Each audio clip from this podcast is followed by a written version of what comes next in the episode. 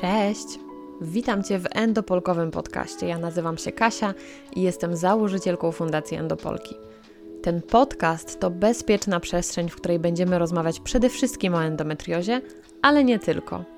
Razem z moimi gośćmi będę poruszać również temat zdrowia kobiecego, zdrowia psychicznego i holistycznego zadbania o ciało i umysł.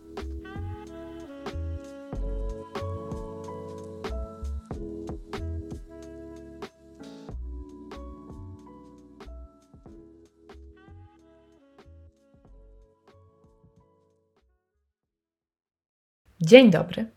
Czy znane Wam są takie wariacje jelitowe jak zaparcia, biegunki, wzdęcia, czyli w naszej endobańce zjawisko nazywane często endobeli? Domyślam się, że większość z Was kiwa teraz głowami na tak.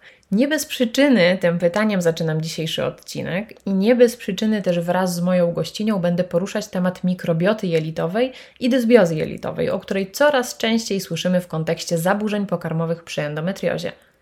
Do tego odcinka zaprosiłam Zosię Winczewską, farmaceutkę, pasjonatkę psychiatrii żywieniowej i właśnie mikrobioty. Cześć Zosia, fajnie, że wpadłaś do endopolkowego podcastu. Cześć, dzięki za zaproszenie, bardzo mi miło u Ciebie gościć. Ogromnie się cieszę, że udało nam się zgrać termin, złapać przy kawce i poruszyć temat, który wiem, że Ciebie mocno jara, a że siedzisz w badaniach naukowych, to też mam nadzieję możesz potwierdzić, że wiemy już coraz więcej na temat mikrobioty.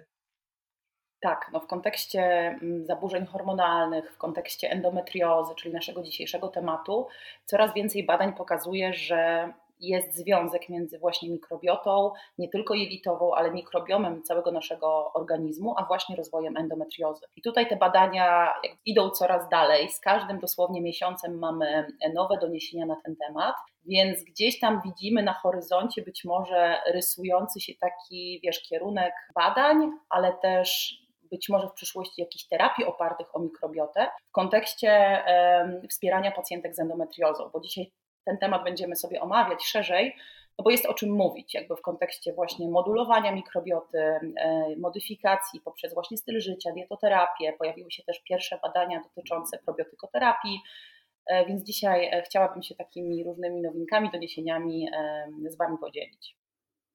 Cudownie. Nie bez powodu właśnie o tym dzisiaj rozmawiamy, bo przecież kobiety z endometriozą bardzo często mają problemy jelitowe. Zaparcia, biegunki lub naprzemiennie, wzdęcia to tak zwane endobeli. I mówi się, że przyczyną jest m.in. dysbioza jelitowa, ale też przy endo lubią występować takie zaburzenia jak zespół jelita drażliwego czy SIBO. E, sama zresztą się z tym całym kompletem objawów zmagam i próbuję dojść do jakiegoś powiedzmy kompromisu z moją mikrobiotą czym jest mikrobiom i czym jest mikrobiota, bo rozumiem, że nie używamy tych słów zamiennie.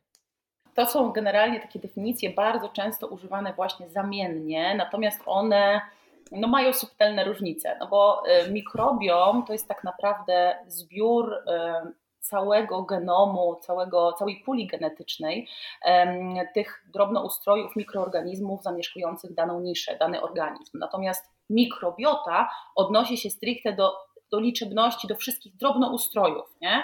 czyli tych mikroorganizmów zamieszkujących nasz organizm. Więc tutaj często to jest stosowane zamiennie jako definicja, natomiast no, oznacza zgoła co innego, nie? Natomiast w ogóle mikrobiota, ja może będę mówiła mikrobiota dzisiaj, żeby też już wiesz, tutaj nie wprowadzać e, zamieszania. Tak. Mikrobiota tak naprawdę przez bardzo, bardzo, bardzo długi czas była postrzegana jako taki, jako taki ekosystem, który jest nam gdzieś potrzebny do tego, żeby no, trawić pokarmy, produkować witaminy, różne związki bioaktywne, ale głównie to się e, ograniczało do procesów trawiennych. Natomiast dzisiaj, e, tak naprawdę od projektu amerykańskiego poświęconego badaniu mikrobioty, zależności różnych z naszym organizmem, no bardzo dużo się zmieniło i to podejście w ogóle do mikroorganizmów, no nie jest to traktowane bakterie nie są dzisiaj traktowane tylko i wyłącznie jako taki wskaźnik jakiś infekcyjny, czynnik infekcyjny, ale też bierzemy pod uwagę to, że te bakterie, które zamieszkują nasze, nasz przewód pokarmowy, między innymi, sprzyjają też naszemu zdrowiu. I też nie wiem, czy spotkałaś się z, takim, z taką definicją holobiont, który jest. Nie, naprawdę... przyznaję, że nie No bo holobion, co, bo to jest bardzo ciekawe, bo, bo, mówimy dzisiaj o tym, że nasza mikrobiota jelitowa to jest taki narząd wręcz bakteryjny, który sprawuje pieczę nad trenowaniem układu odpornościowego, właśnie wspieraniu funkcji metabolicznych, ale holobion to odnosi się do takiego organi superorganizmu, czyli to, że my jako ludzie nie jesteśmy taką, wiecie, odosobnioną e, jednostką, tylko jakby ja się zawsze śmieję, że nigdy nie jesteśmy sami, wiesz, bo zawsze to nam nasi mikroprzyjaciele, właśnie te wszystkie nowe ustroje, więc jakby my żyjemy w bardzo ścisłej symbiozie.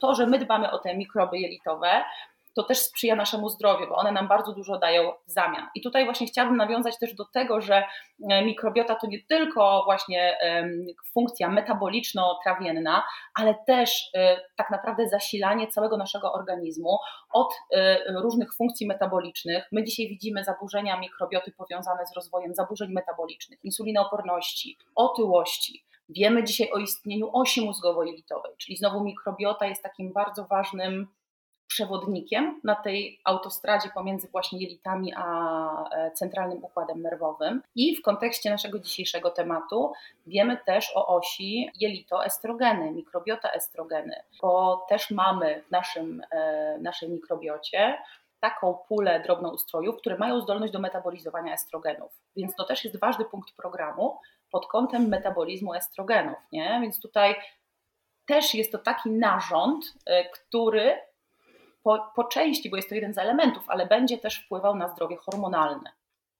Czyli tak naprawdę mówiąc obecnie o endometriozie i o takim kompleksowym podejściu, ciężko w ogóle y, nie poruszyć tematu mikrobioty. Okazuje się, że jest to z, jedna z kluczowych kwestii, którą trzeba brać pod uwagę i trzeba się też tym obszarem zaopiekować, żeby w ogóle ogarnąć jakoś tą endometriozę.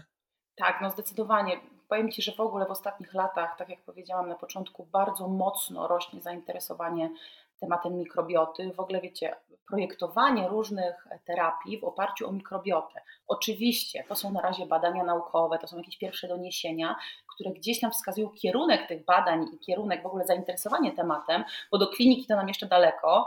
Natomiast my musimy też mieć świadomość, że oczywiście mikrobiota jakby jest tutaj ważna, no ale tak naprawdę pochodzenie endometriozy nadal jest niejasne, mamy trochę tych hipotez, ale też mówimy bardzo często o takiej złożeniu się i interakcji różnych czynników. To są czynniki i genetyczne, i anatomiczne, i e, hormonalne, i środowiskowe. Także tutaj wiele aspektów ma znaczenie, ale faktycznie ten temat mikrobioty bardzo mocno e, świat nauki interesuje. I też te badania, które się pojawiły na dzień dzisiejszy, pokazują, no, że pacjentki z endometriozą, kobiety chorujące na endometriozę, mają inny profil mikrobioty od kobiet bez tej choroby. Także widzimy, że coś jest na rzeczy.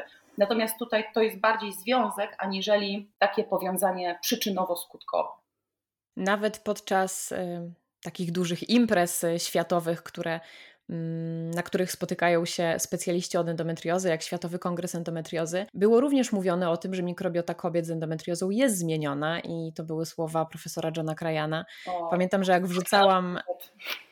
Tak, jak wrzucałam storiesa y, z wykładu profesora, to ty byłaś tą osobą, która napisała mi właśnie wiadomość, e, więc rozumiem, że jest to jakiś e, autorytet tak, no, e, profesor Krajan i Dinan to jest taki duet, który też stworzył definicję psychobiotyków, więc moje zainteresowanie mikrobiotą w kontekście też zdrowia psychicznego, to zainteresowanie jest ogromne, więc tak, no to są tak naprawdę założyciele tej definicji psychobiotyków, które odnoszą się z kolei do szczepów probiotycznych, które służą dobrostanowi osi mózgowo-jelitowej, czyli znowu to Jelita, zdrowie psychiczne. To jest oczywiście temat na osobny podcast, ale tak, no to nazwisko jest, jest dla mnie bardzo ważne i kształtuje moje, mój pogląd na różne takie tematy. Natomiast tak, no tutaj widzimy, że mikrobiota e, kobiet z endometriozą ma trochę inny profil, e, zarówno w drogach rodnych, jak i w przewodzie pokarmowym.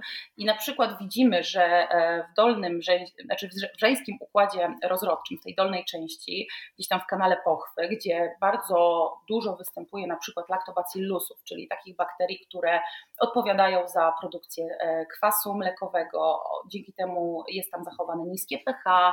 One też te bakterie wydzielają różne związki, bakteriocyny, nadtlenek wodoru, czyli związki, które też jakby zwalczają patogeny i zapobiegają rozwojowi różnych infekcji. Nie? Natomiast u kobiet z endo widzimy, że gdzieś tam jest zaburzony ten, ten stosunek laktobacillusów i obniżona ich obfitość. W związku z tym tu już widzimy zmiany. Widzimy też zmiany w profilu mikrobioty jelitowej przewodu pokarmowego. Tutaj też jakby nie może nie będę już nawiązywać do jakichś szczegółów dotyczących typów, rodzajów, rodzin bakterii, bo myślę, że to nie jest istotne, ale clue jest takie, że właśnie ta mikrobiota e, widzimy, że jakby jest zmieniona i też wychodzimy znowu od tego, od tego założenia oś estrogeny, jelito estrogeny, jelito e, odporność. Bo ja też może powiem, zarysuję w ogóle temat e, mhm. dysbiozy. Bardzo często mówi się o dysbiozie jako takim Czym jest dysbioza? Może zaczniemy, bo dysbioza jest tak naprawdę tak. zaburzeniem jakościowym, ilościowym w obrębie mikrobioty jelitowej, czyli jest pewnego rodzaju dysproporcją, dysregulacją w obrębie przewodu pokarmowego, tych właśnie naszych, naszej społeczności, tych naszych mikroorganizmów, które tam sobie bytują. I tak naprawdę to jest w ogóle bardzo ważny aspekt, w ogóle mikrobiota i jej równowaga, do dobrostanu naszego organizmu, bo my też musimy sobie zdać sprawę z tego, że jelita, w jelitach jest mm, zlokalizowany układ odpornościowy, to jest tkanka GALT, czyli właśnie ta tkanka e, odpornościowa związana ze śluzówkami. I tak naprawdę mówi się o tym, że to jest jakieś 70-80% naszej odporności. I wyobraźmy sobie, że mikrobiota, która tak naprawdę towarzyszy nam już e, od pierwszych dni życia, bo taka, taka najbardziej znacząca kolonizacja ma miejsce właśnie z dniem narodzin, bo wtedy nasz, nasz, nasze, nasz przewód pokarmowy ulega kolonizacji, później sposób karmienia niemowlęcia, później też ekspozycja na leki, na antybiotyki, to też jest ważny punkt. Później nasz styl życia, to jak funkcjonujemy na co dzień, co jemy, jak jemy, czy się ruszamy, czy prowadzimy totalnie kanapowy tryb życia, to wszystko przekłada się na to, czy nasza mikrobiota ma się dobrze. I w momencie, kiedy dochodzi do rozwoju dysbiozy pod wpływem właśnie różnych czynników środowiskowych, czyli żyjemy y, we współczesnym świecie, który gdzieś tam nie sprzyja zdrowiu mikrobioty, no bo wiesz, y, y, sięgamy bardzo często po pokarmy wysoko przetworzone, jakieś tam dania instant, wiesz, junk food, to wszystko, co, co niekoniecznie jest zdrowe, również dla naszej mikrobioty. Bardzo często żywność jest nieróżnorodna, czyli jemy po prostu monotonnie, cały czas bazujemy na tych samych produktach. Średnio się ruszamy, albo też taka nadmierna aktywność fizyczna nie do końca sprzyja zdrowiu, więc tutaj wiesz, znowu balans i znalezienie tego złotego środka. Więc to wszystko powoduje, że my gdzieś tam e, zaburzamy naszą mikrobiotę jelitową. No i nasz układ odpornościowy, który tam się znajduje, jest tak naprawdę w ścisłej relacji z tą mikrobiotą przez całe nasze życie i w pierwszym oknie krytycznym życia, w tych pierwszych dwóch latach, gdzie ta mikrobiota najbardziej się kształtuje, ona też jest swego rodzaju trenerem odporności. Jest bardzo ważna dlatego, jak ten układ immunologiczny później się rozwija. W związku z tym, jeżeli już nawet w życiu dorosłym ta mikrobiota jelitowa jest zaburzona, to także to będzie oddziaływało na właśnie e, na przykład nadmierną aktywację układu odpornościowego, zaburzenie bariery jelitowej, która stanowi tak naprawdę, wiesz, e, barierę pomiędzy naszym światem wewnętrznym, naszego organizmu, a światem zewnętrznym. E, no bo jelito to jest tak naprawdę bardzo duża pula różnych antygenów, które wiesz, stykają się z tym układem odpornościowym. W związku z tym tutaj, jeżeli my nie zadbamy odpowiednio o naszą mikrobiotę, to ona też będzie promowała stany zapalne. Jak wiemy, stany zapalne są postrzegane dzisiaj za takie podłoże, fundament rozwoju wielu chorób przewlekłych, w związku z czym e, no, mikrobiotę możemy traktować jako taki jeden z ważniejszych elementów wpływających na e, rozwój różnych zaburzeń tak, tak, jak powiedziałam, czy to są zaburzenia metaboliczne, czy to są właśnie y, choroby o podłożu e, sercowo-naczyniowym. Wydawać by się mogło, że to są totalnie odległe od siebie obszary. Okazuje się, że nie i że to jest wszystko ze sobą bardzo powiązane. Ja to bardzo często nazywam taką siecią naczyń połączonych, nie? że jesteśmy, powinniśmy być traktowani jako taki cały organizm całościowo. Więc tutaj ta mikrobiota jest takim bardzo ważnym e, aspektem i też warto dodać, że nasza mikrobiota dla każdej jednostki jest trochę jak um, odcisk palca, bo jest hmm. bardzo, wiesz, ma bardzo taki unikatowy zestaw różnych drobnoustrojów, które sobie tam bytują i tak naprawdę nie ma drugiej takiej samej mikrobioty, więc między jednostkami czy pomiędzy obszarami geograficznymi, wiesz, gdzieś tam e, występują e, różnice w profilach. Nie mamy idealnego wzorca, bo tak by było, wiesz, najłatwiej, że mamy mikrobiotę zdrową, mikrobiotę chorą. Tak. Teraz działamy sobie z takimi konkretnymi, wiesz, gdzieś tam sygnaturami mikrobioty. Nie mamy tego dzisiaj, natomiast dzisiaj jako synonim zdrowia jelit przyjmuje się właśnie jej różnorodność, więc im bardziej różnorodna mikrobiota, tym, e, mówiąc najprościej, e, lepiej dla naszego zdrowia, lepiej to wszystko po prostu e, funkcjonuje. No tak, a też jest dużo czynników, które wpływają na to, że ta nasza mikrobiota jest uboga. I jak właśnie opowiadałaś o tym, że ten cały proces też tworzenia się mikrobioty, czyli tej społeczności, mm, zaczyna się już tak naprawdę od pierwszego dnia życia, to zaczęłam sobie tak wyobrażać, jak to właśnie wygląda od samego początku, później przeogromne dawki antybiotyków, przynajmniej w moim przypadku tak było i wiem, że wiele osób z tego mojego pokolenia e, było faszerowanych tymi antybiotykami. I od razu przyszło mi do głowy takie pytanie, oczywiście nie wiem, czy znasz na nie odpowiedź, czy ktokolwiek na nie zna odpowiedź, czy w takim razie endometrioza już nie tworzy się od tych pierwszych dni, w momencie, gdy ta mikrobiota zaczyna być zaburzona, uboga, czy jakby dopiero w pewnym wieku można mówić o pojawieniu się endometriozy. To pewnie jest pytanie takie, wiesz, puszczone gdzieś tam w eter do zastanowienia się, ale może pracujemy, tak mówiąc kolokwialnie, pracujemy na tą endometriozę przez kilka, kilkanaście dobrych lat. No to jest trudne pytanie, bo ono, bo, bo tak jak powiedziałyśmy na początku, endometrioza jest bardzo wieloczynnikowa i te tematy związane z mikrobiotą są bardzo mocno, wiesz, e,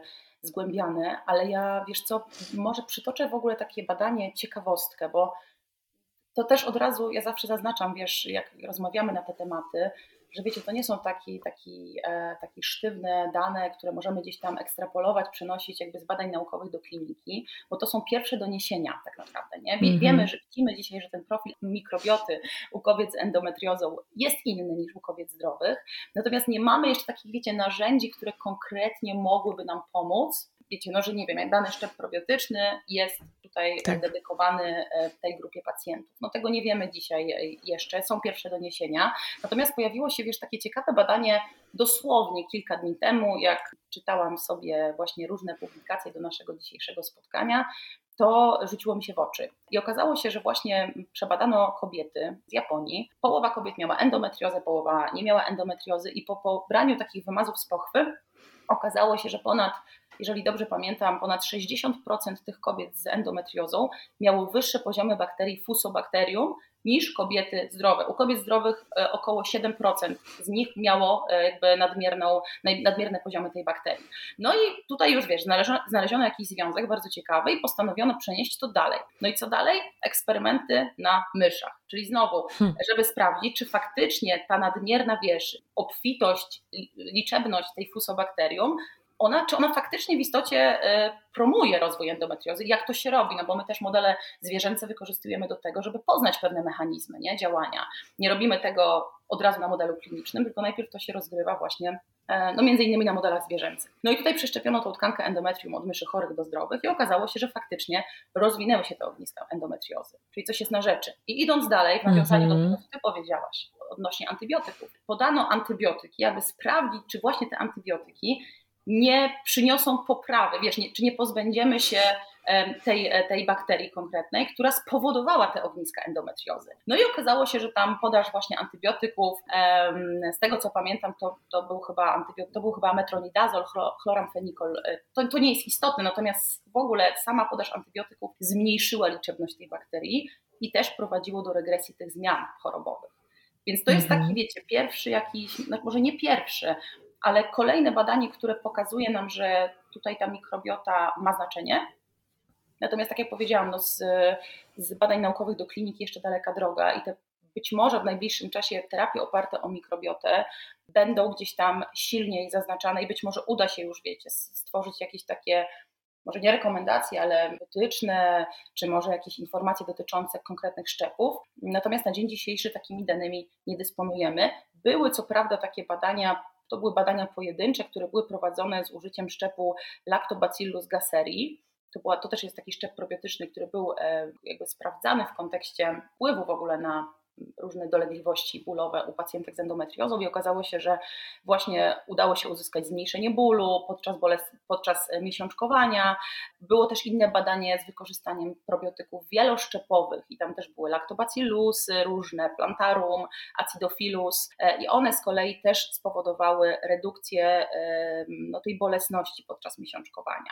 Także tutaj widzimy pewien potencjał, i już mamy pierwsze gdzieś tam publikacje badania, I wydaje się, że właśnie przede wszystkim zwiększenie tej różnorodności, o której już mówiłyśmy dużo, mm-hmm. no, będzie wpływało na poprawę po prostu stanu mikrobioty. I też w odniesieniu do tego pytania, które Ty zadałaś, odpowiem na końcu, czy, czy my nie pracujemy na rozwój um, chorób od najmłodszych lat. No, badania pośrednio pokazują, że pewnie tak jest, no bo wiesz, i ekspozycja na leki, i ekspozycja na, nie tylko na antybiotyki, bo, bo wiesz, przyjęło się, że antybiotyki tak bardzo e, niszczą naszą mikrobiotę i mhm. działają niewybiórczo, no bo działają na mm, konkretne patogeny, no ale też przy okazji gdzieś tam działają na tą naszą mikrobiotę komensalną. W związku z tym e, antybiotyki to jedno, ale też na przykład, wiesz, leki mm, nazywane lekami na zgagę, niesteroidowe leki przeciwzapalne, to wszystko nie pozostaje bez wpływu na naszą mikrobiotę. Preparaty żelaza na przykład.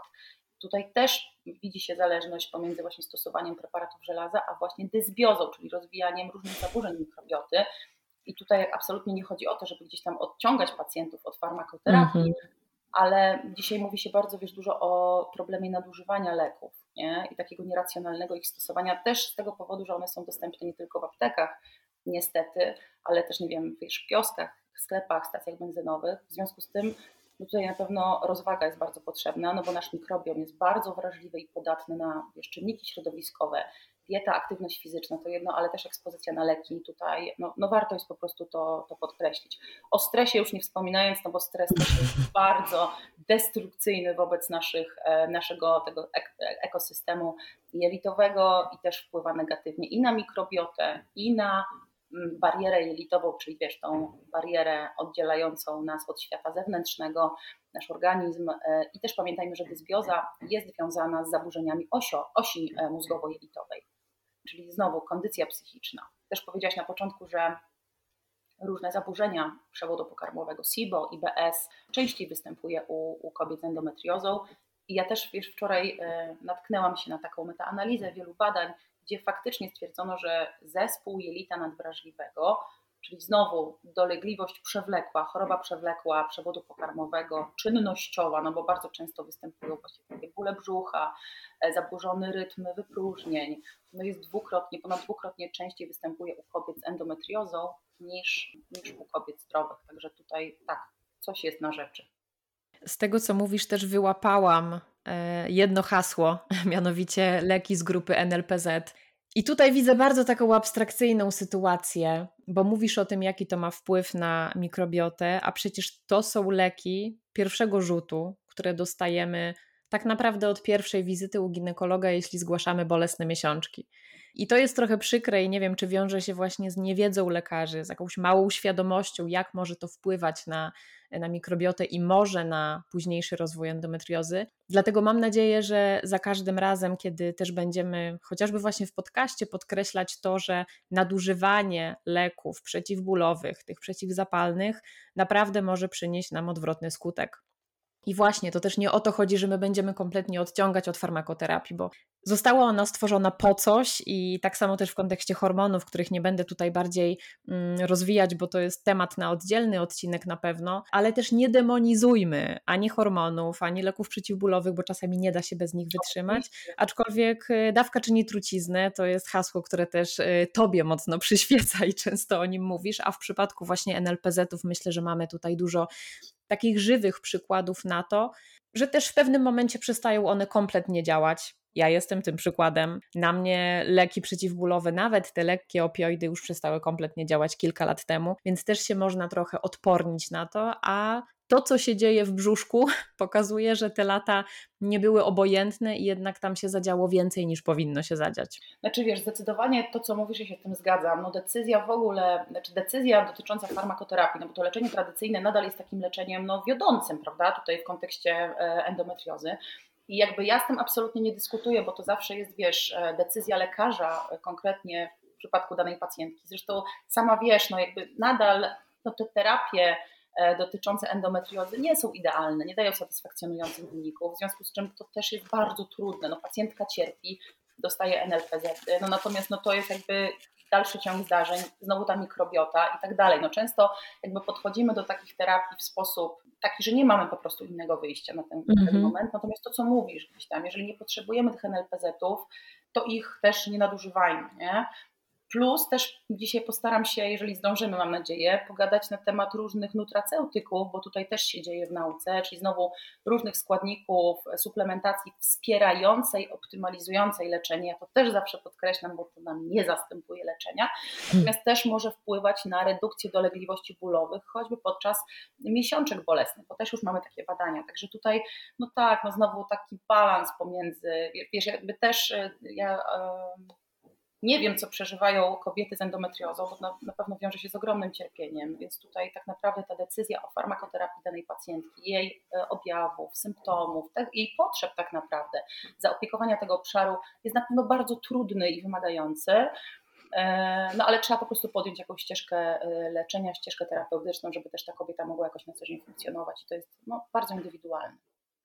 Jak zwykle trzeba podkreślić współpracę między specjalistą a pacjentką i dobranie jak najlepszej ścieżki dla indywidualnego przypadku. Nie ma uniwersalnych rad, nie ma uniwersalnych terapii, tylko jednak indywidualnie dobieramy. Ale właśnie, jakie mogą być w takim razie objawy tej zaburzonej mikrobioty? Bo nie ma jednego badania, którym też mogłybyśmy chyba stwierdzić, że coś się Y, w naszej mikrobiocie zadziało, że jest ta dysbioza, tylko rozumiem, że raczej patrząc na to, jakie objawy ma pacjentka, możemy stwierdzić, że jest obecna dysbioza jelitowa. No to jest też trudne pytanie, bo tak naprawdę, tak jak powiedziałam, ta dysbioza, zaburzenia, zaburzenia mikrobioty jelitowej są wiązane nie tylko z dolegliwościami przewodu pokarmowego, ale idziemy dalej, czyli znowu e, są wiązane z zaburzeniami różnymi metabolicznymi, które mogą nie dawać żadnych objawów, prawda? Natomiast pośrednio są wiązane też z zaburzeniami mikrobioty. Natomiast takie dolegliwości, które pojawiają się tu i teraz, to na pewno będą zaburzenia związane właśnie ze wzdęciami, nie wiem, rozregulowaną, e, rozregulowaną motoryką, nie wiem, biegunki, zaparcia, wzdęcia. To są te objawy, które gdzieś tam są e, stricte związane z przewodem pokarmowym i też są wynikiem dysbiozy ale właśnie też te od, bardziej odległe, może nie objawy, bo to nie jest objaw, ale wpływ na rozwój różnych zaburzeń, też będzie tutaj ta dysbioza miała, e, miała wpływ. Także trudno jest to, wiesz, tak jakby włożyć w taką ramę gdzieś tam objawów stricte związanych z dysbiozą, bo to tak naprawdę trzeba traktować też długofalowo, czyli znowu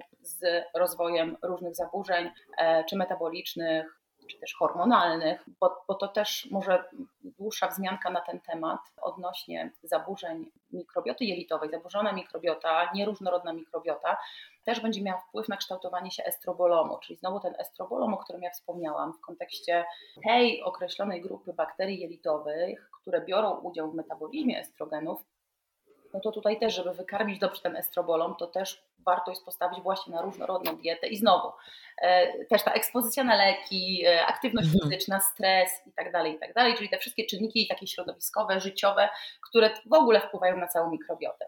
I, ten, e, i ta oś właśnie jelita, estrogeny, Tutaj też warto jest ten temat zaopiekować, dlatego że oczywiście jest to jeden z czynników, który gdzieś tam wpływa na w ogóle zdrowie hormonalne kobiet, ale estrobolon jest takim zestawem e, różnych e, bakterii jelitowych, które mają zdolność po prostu do metabolizmu, e, metabolizmu tych hormonów kobiecych. W związku z tym też pamiętajmy o tym, że jeżeli my jemy dobrze i karmimy naszą mikrobiotę, to też pamiętajmy, że karmimy nasz estrobolom. Estrobolom to jest jakby cząstka hmm. składowa tego, tej całej społeczności naszej. Także tutaj kryje się naprawdę bardzo dużo ciekawych zależności, i też, wiesz, mówi się o tym, że taka specjalizacja związana z projektowaniem zdrowia mikrobioty, probiotykoterapii jest trochę takim e, fachem przyszłości, bo to będzie szło do przodu. I wiesz, te wszystkie projekty zdrowotne związane w ogóle z odkrywaniem puli genetycznej naszej mikrobioty, naszego mikrobiomu, tego jak to wygląda, ile my mamy de facto tych, e, tych bakterii w swoim przewodzie pokarmowym, bo dzisiaj mówi się o tym, że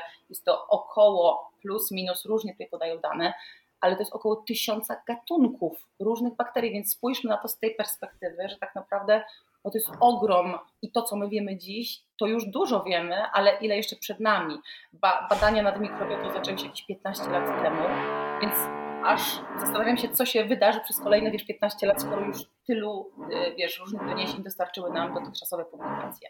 To jest to niezwykle interesujące i myślę, że też mając gdzieś e, w głowie mm, nasz styl życia, codzienność, to jak wstajemy, to jak wiesz, zarządzamy naszym stresem, bo stresować się będziemy. Stres jest nam potrzebny do przetrwania gatunku, jest takim czynnikiem adaptacyjnym ale to jak się stresujemy, jak sobie radzimy z tym stresem, czy korzystamy z jakichś wiesz, technik relaksacyjnych, czy pójdziemy na spacer, czy wystawimy się na zieleń, czy pójdziemy do lasu, czy nawdychamy się tych wszystkich wiesz, fitoncytów olejów eterycznych, to wszystko będzie miało wpływ na to, jak my też przyjmujemy na siebie stresory. I to też nie pozostaje bez wpływu na mikrobiotę.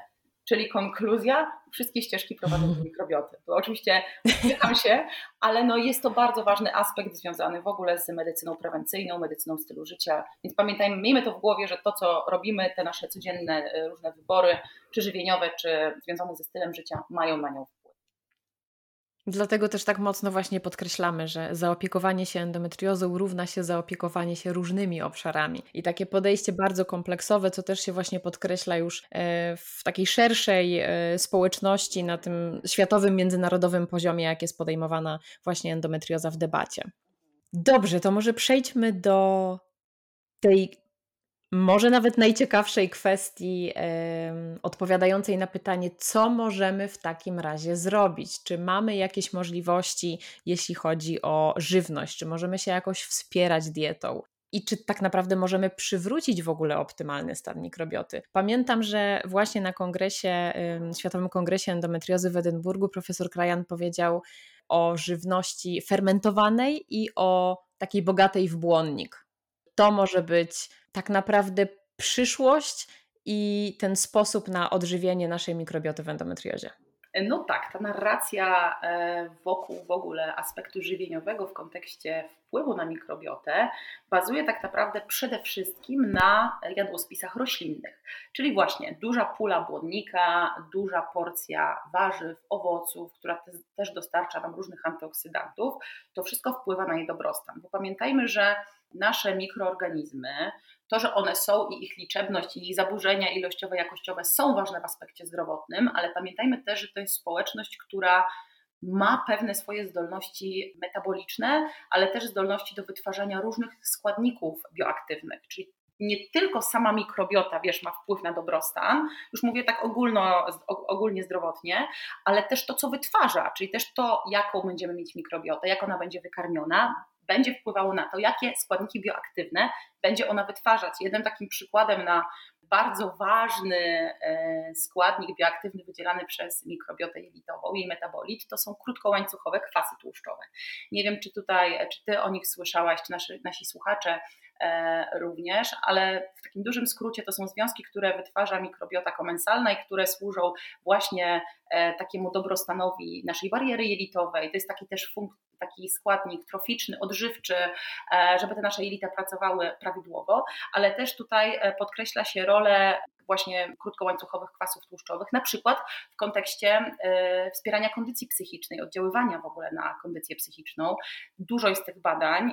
Mówię to dlatego, żeby też nakreślić wagę tego, że nie tylko same mikroby, ale też co produkują docelowo, będzie wpływało na na nasz dobrostan.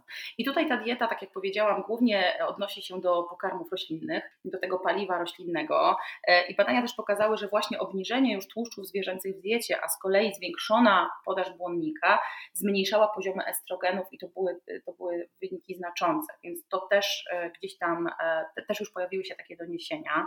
No pojawiły się też doniesienia związane właśnie ze zwiększonym ryzykiem endometriozy, a spożyciem tłuszczów trans i mięsa czerwonego. Więc tutaj też widzimy, że e, tłuszcze trans i mięso czerwone są wiązane z wyższym ryzykiem e, rozwoju endometriozy.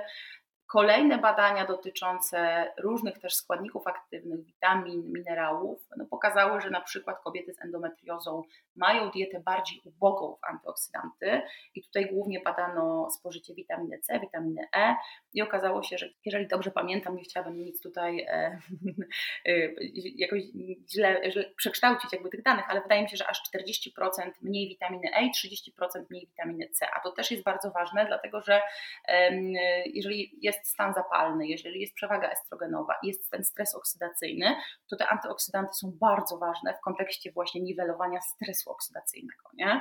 Więc to też jest na pewno bardzo ważne. Zresztą też są badania, które pokazują, że dieta roślinna zmniejsza nasilenie zespołu napięcia przedmiesiączkowego na przykład. Pokarmy roślinne generalnie, w ogóle dieta bazująca na roślinach, bo tutaj nie mówimy o tym, że tu wyłącznie ma być dieta e, bez produktów odzwierzęcych, ale zdecydowanie przewaga produktów roślinnych no jest mocno podkreślana i ma charakter przeciwzapalny. Więc też powiedzmy w tym momencie, że bardzo ważne jest odpowiednie profilowanie tej diety, bo wiesz, sama dieta roślinna z założenia może być niezdrowa, bo jeżeli my bazujemy wiesz, na produktach wysoko przetworzonych, e, gdzieś tam cały czas e, ładujemy się pokarmami bazującymi na mące pszennej, wiesz, takiej przetworzonej, to naprawdę łatwo jest prowadzić dietę wegetariańską, która brzmi jak prawda, jakiś zdrowy model odżywiania, przekształcić w bardzo wysoko przetworzony model diety. Także tutaj też właśnie um, uwaga na to, jak komponujemy ten talerz roślinny. Czyli znowu, e, w zależności od predyspozycji, ja zawsze powtarzam, że najlepiej w ogóle dietę swoją ustalić z dobrym, doświadczonym dietetykiem, bo wiesz, my mamy też jakieś swoje preferencje e, smakowe, pewnych rzeczy nie lubimy jeść, niektóre nam nie służą. Nie? Więc tutaj na pewno e, taki ogólny, ogólne założenie diety w oparciu o warzywa, owoce, kiszonki, orzechy, pestki, nasiona, strączki, pełne ziarno, e, zdrowe tłuszcze, między innymi kwasy tłuszczowe omega-3, moje ulubione, bo one mają też bardzo wysoki potencjał przeciwzapalny. Znajdziemy je trochę w pokarmach roślinnych w takiej formie do przekształcenia przez organizm, między innymi w oleju lnianym, w orzechach włoskich, ale tutaj zdecydowanie taką największą koncentrację aktywnych, e, ja to tak nazywam w cudzysłowie, aktywnych omega-3, no to przede wszystkim tłuste ryby morskie, gdzieś tam owoce morza, algi, bo one są zasobne właśnie w te frakcje przeciwzapalne. I tutaj też pojawiły się badania w kontekście kwasów tłuszczowych omega-3. No, pokazano, że to było badanie na dużej grupie, bo to było ponad 70 tysięcy kobiet i pokazało, że te kobiety, które były z tej grupy najwyższego spożycia kwasów tłuszczowych omega-3, miały o wiele niższe ryzyko zachorowania na endometriozę od tych kobiet, wiesz, z, mm. najniższej, mm. z najniższego spożycia. Więc na pewno ten czynnik prewencyjny tutaj mamy w kontekście czynników środowiskowych, ale też widzimy związek na przykład z takim działaniem e, zmniejszającym dolegliwości bólowe podczas miesiączek. Ja też ostatnio u siebie mówiłam e, o tym, chyba na Instagramie, właśnie, że podaż kwasów tłuszczowych omega-3 już w dawce 300 mg dziennie wpływała właśnie na redukcję dolegliwości bólowych podczas miesiączki. Też może łagodzić PMS i te objawy somatyczne, czyli związane stricte, nie wiem, z e, tkliwością piersi, z bólem brzucha, ale też takimi, taką wiesz, wpływem na te aspekty emocjonalne. Więc tutaj te kwasy tłuszczowe omega-3 myślę, że są ważnym takim elementem, też z tego powodu, że my jemy ich za mało na co dzień. Jakby nie kultywuje się u nas tradycji jadania ryb, widzimy w badaniach, że gdzieś tam nie tylko zresztą w Polsce, ale w ogóle w krajach zachodnich jest problem z optymalną dostawą, więc warto jest rozważyć w takiej sytuacji podaż dodatkową z dobrej jakości preparatów, bo ta jakość też jest tutaj ważna. Ja zawsze mówię jakość, nie jakość, więc tak, tutaj też jest istotny punkt. Witamina D oczywiście też jest ważnym czynnikiem. Też jest to taki składnik, który korzystnie wpływa na układ odpornościowy mówiąc najprościej, bo ma takie właściwości immunomodulujące. My mamy witaminy D za mało w naszej szerokości geograficznej jak zresztą wiemy, więc ta suplementacja także tutaj powinna mieć nacisk na pacjentki, e, kobiety z endometriozą. I też było takie badanie, e, które pokazywało, że może zmniejszać właśnie, e, zredukować te dolegliwości bólowe kobiet z endometriozą, więc to jest drugi składnik, takie podstawowe, wiesz, omega-3, witamina D, ale takie dwa, może innowacyjne składniki, które pojawiają się w publikacjach naukowych też w kontekście kobiet z endometriozą, to jest na przykład resveratrol, czyli też taki składnik aktywny, składnik roślinny, który na przykład mm, był dodawany y, u kobiet do terapii hormonalnej i wpłynął właśnie na obniżenie bólu, intensywności bólu podczas miesiączek. Nie? I to nie były jakieś super wysokie dawki, bo z tego co pamiętam, to była dawka już 30 mg. Drugi składnik, N-acetylocysteina. Ona jest najczęściej stosowana jako lek mukolityczny, czyli taki lek rozrzedzający wydzielinę, wiesz, przy mokrym kaszlu. Natomiast to też jest e, taki związek, który jest prekursorem glutationu, czyli tak naprawdę z niego nasz organizm może sobie wytworzyć glutation, potężny antyoksydant. I tutaj też pokazano, że właśnie ten NAC, bo ja mówię w skrócie NAC na tę N-acetylcysteinę, żeby już też tutaj skrócić czas wypowiadania tej nazwy, ma właściwości antyoksydacyjne, antyproliferacyjne, czyli to znaczy antyproliferacyjne, czyli zapobiegające namnażaniu się komórek endometrium, co tutaj w przypadku endometriozy jest bardzo ważne. I też właśnie udało się zredukować ból zarówno podczas miesiączki, jak i współżycia.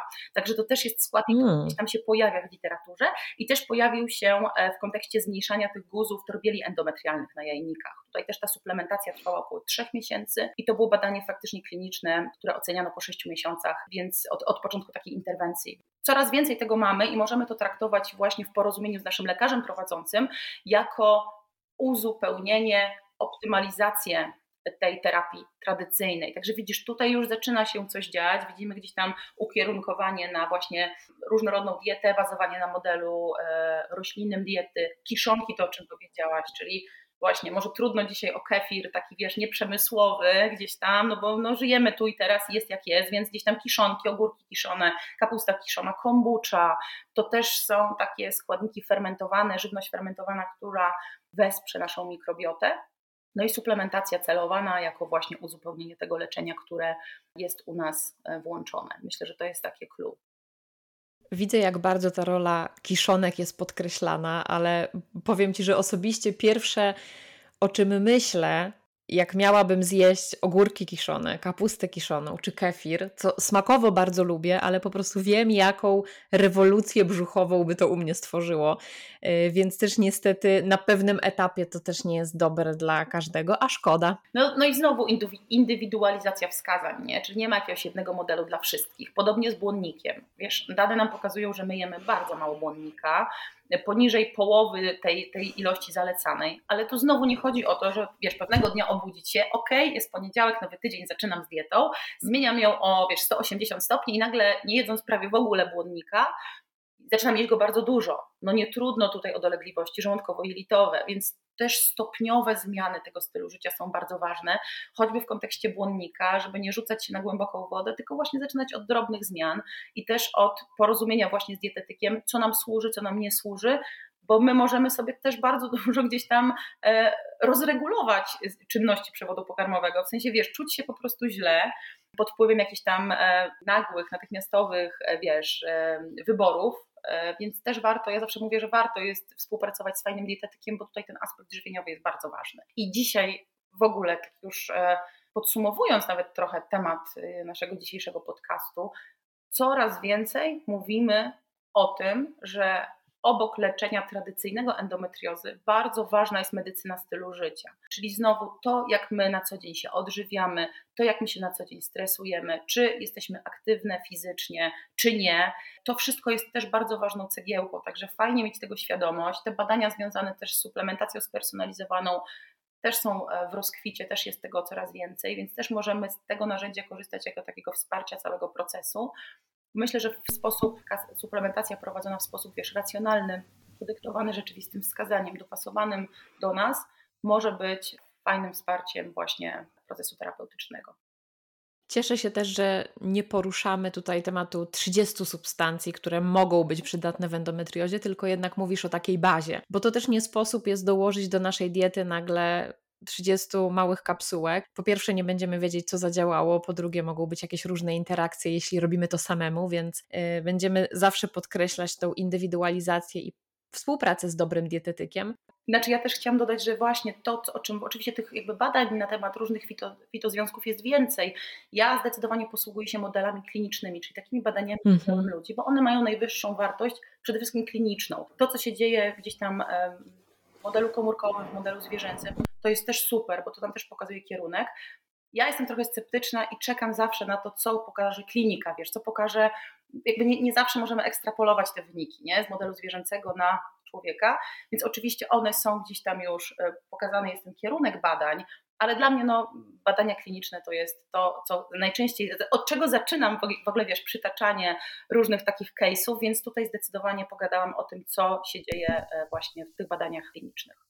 Super, też sobie pomyślałam o tym, że niestety klimat nam nie sprzyja.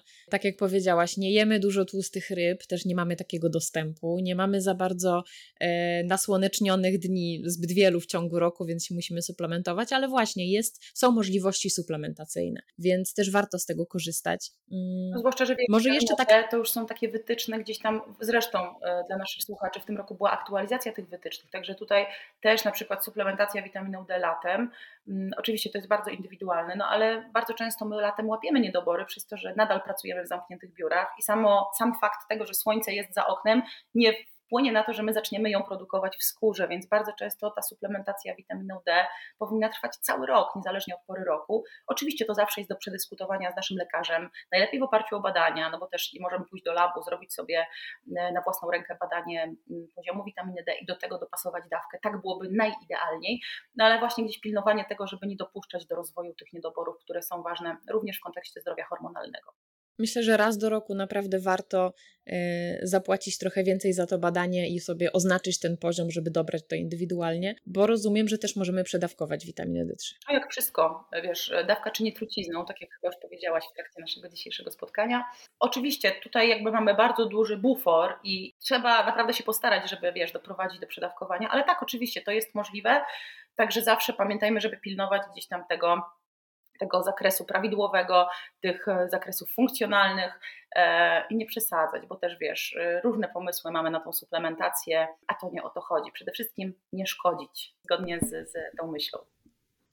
Tak, różne pomysły mamy. Ja słyszę naprawdę o przeróżnych y, substancjach i pomysłach kobiet, które, umówmy się, są też w pewnym momencie trochę zdesperowane i naprawdę chcą sobie pomóc, jeśli nic nie działa, więc ja naprawdę to wszystko rozumiem i pewnie też wiele popełniłam błędów, jeśli chodzi o wyszukiwanie nowych terapii farmakologicznych, niefarmakologicznych, e, wyszukiwania czegoś w diecie, więc to wszystko jest dla mnie zrozumiałe, dlatego tym bardziej podczas właśnie tych e, podcastów chcemy podkreślać, że baza, baza i jeszcze raz baza jest najważniejsza. Ale Zosia, jeszcze jak na koniec mogłybyśmy powiedzieć kilka słów o tym, czy mamy jakieś nowinki w kontekście probiotyków. Czy są jakieś szczepy, które będą szczególnie istotne w endometriozie? Oczywiście kwestia indywidualna, to zawsze zaczynamy od tego zdania.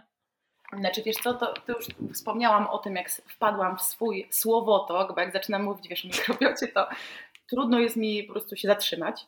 Natomiast poruszyłam wątek probiotykoterapii i tutaj to, co dzisiaj y, mamy w badaniach, to właśnie jest szczep Lactobacillus gasseri, to był chyba szczep OLL 2809. No to jest nieważne, bo jakby to możemy sobie wiesz sprawdzić. Natomiast ten Lactobacillus faktycznie y, na modelu zwierzęcym hamował rozrost endometrium w otrzewnej, ale to było badanie na gryzoniach, więc znowu model zwierzęcy.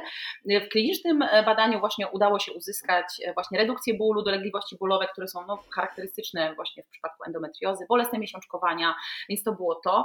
Więc to jest ten szczep, który gdzieś tam się pojawia w badaniach, ale też mhm. pojawiły się badania e, dotyczące właśnie wieloszczepowych probiotyków, nie? czyli tam też różne laktobacillusy i też w kontekście właśnie e, redukcji, tutaj uzyskano przede wszystkim takie w wyniku obserwacji, że udało się odnotować obniżoną, um, obniżony ból podczas miesiączek. No ale generalnie, wiesz, jakby tak patrzeć na to całościowo, na te badania, które się pojawiły, to płynie z tego taka narracja, że e, generalnie probiotykoterapia może być sposobem na modulowanie mikrobioty jelitowej. Oczywiście to jest wisienka na torcie. Jakby jeżeli my nie zmienimy swojego stylu życia, to żadny, żaden probiotyk mm -hmm. nie pomoże w ogóle szkoda, e, szkoda na to czasu i szkoda energii. Natomiast to może być jeden z elementów, który będzie wspierał naszą mikrobiotę jelitową. My tutaj absolutnie w ogóle założeniem probiotykoterapii nie jest uzupełnianie brakujących szczepów. Ja też o tym mówię, bo często gdzieś tam, mimo wszystko wydaje mi się, że ten mit gdzieś tam jeszcze mm, sobie wędruje, i panuje takie przekonanie, my uzupełniamy, może nie uzupełniamy, my stosujemy probiotyki po to, żeby właśnie zoptymalizować to środowisko mikrobiologiczne w jelitach e, i nieco odciążyć naszą mikrobiotę, która tam sobie żyje, nie? czasowo oczywiście, bo my, to, to nie jest tak, że my przyjmujemy probiotyk i on zostaje z nami do końca życia, tylko on ma określoną żywotność i on będzie sobie kolonizował e, śluzówki naszego przewodu pokarmowego w określonym czasie i on właśnie ma służyć temu, żeby zwiększyć właśnie tą różnorodność. Ja tu oczywiście używam uproszczeń, żeby tak tutaj naszym mm -hmm. słuchaczom zobrazować, wiesz, o co w ogóle chodzi w tej probiotykoterapii. Więc tak naprawdę chodzi o to, żeby przeciwdziałać dysbiozie i probiotykoterapia może nam w tym pomóc. Nie?